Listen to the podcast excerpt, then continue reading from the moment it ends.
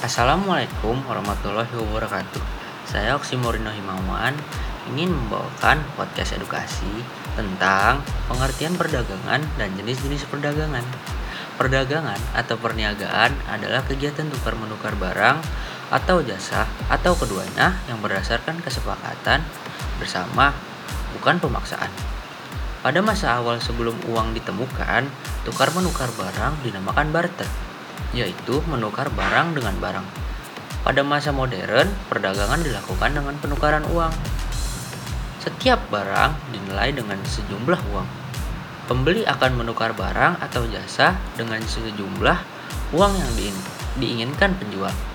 Dalam perdagangan, ada orang yang membuat yang disebut produsen.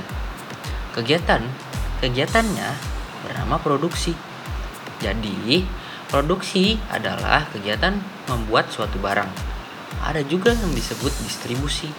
Distribusi adalah kegiatan mengantar barang dari produsen ke konsumen. Konsumen adalah orang yang membeli barang. Konsumsi adalah kegiatan menggunakan barang dari hasil produksi. Macam-macam jenis perdagangan antara lain perdagangan lokal perdagangan lokal yaitu secara mikro yang terjadi dalam sebuah area. Contoh, pasar tradisional dan pasar modern. Perdagangan bilateral, perdagangan bilateral adalah perdagangan yang terjadi antar dua negara. Contoh, Indonesia dan Jepang. Perdagangan multilateral Perdagangan multilateral adalah perdagangan yang terjadi antara beberapa negara. Contoh, APEC, Asia Pacific Economic Corporation. Perdagangan regional. Perdagangan regional adalah perdagangan yang terjadi antara wilayah. Contoh, AFTA, ASEAN Free Trade Area. Perdagangan antar regional. Perdagangan antar regional adalah perdagangan yang terjadi antara dua wilayah atau lebih.